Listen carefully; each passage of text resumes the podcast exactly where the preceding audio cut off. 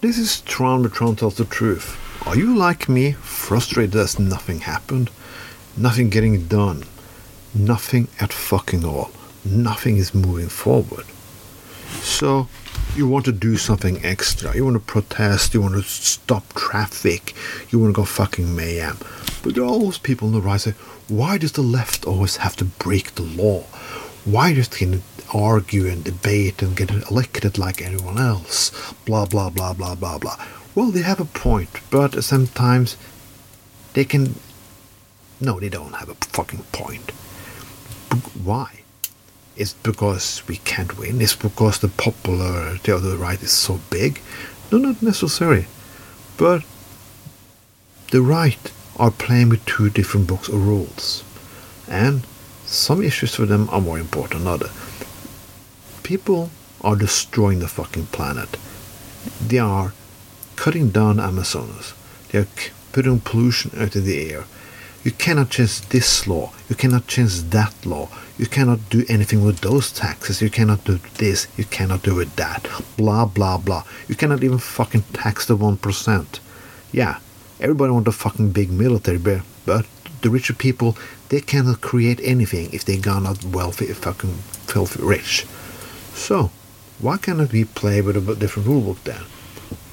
If they can go fuck up our living, poison our waters, pollute our air, and cutting out everything to make the environment livable, why cannot we play by the fucking same rule?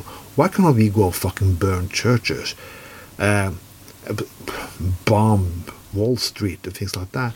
I don't say we should do it, but why is politics always put into different rule books? Sometimes I think some aggression can be good because some aggression get you up in the morning. Some piss off attitude is really what keep you fucking motivated. But if you put a suit and tie on it, like the right, you can always argue like we are the responsible, responsible my fucking ass. The world is fucking going down. It's going fucking under.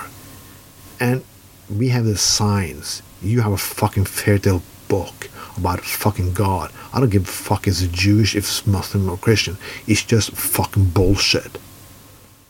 There are issues we should be angry about. We should get more and more fucking angry, and we're gonna be so angry that we do something about them.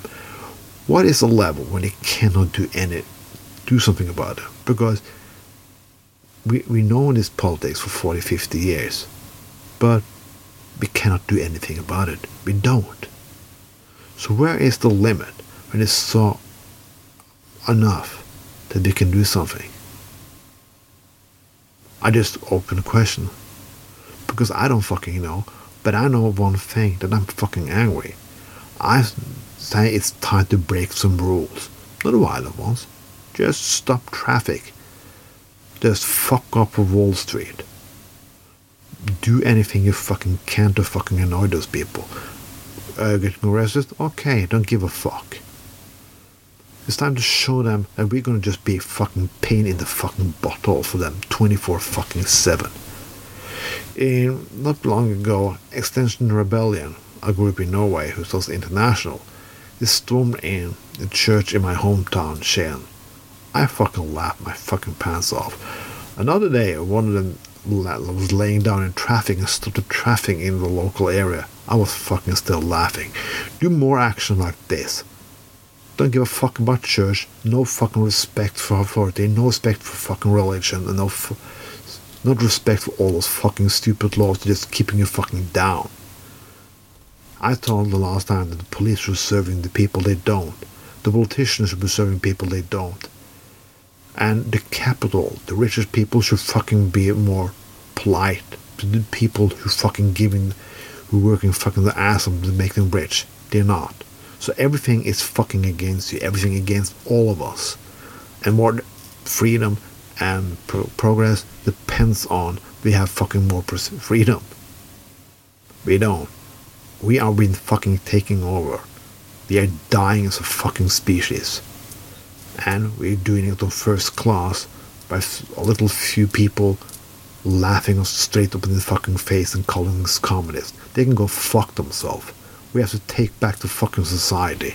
This was Trump, but Trump tells the truth.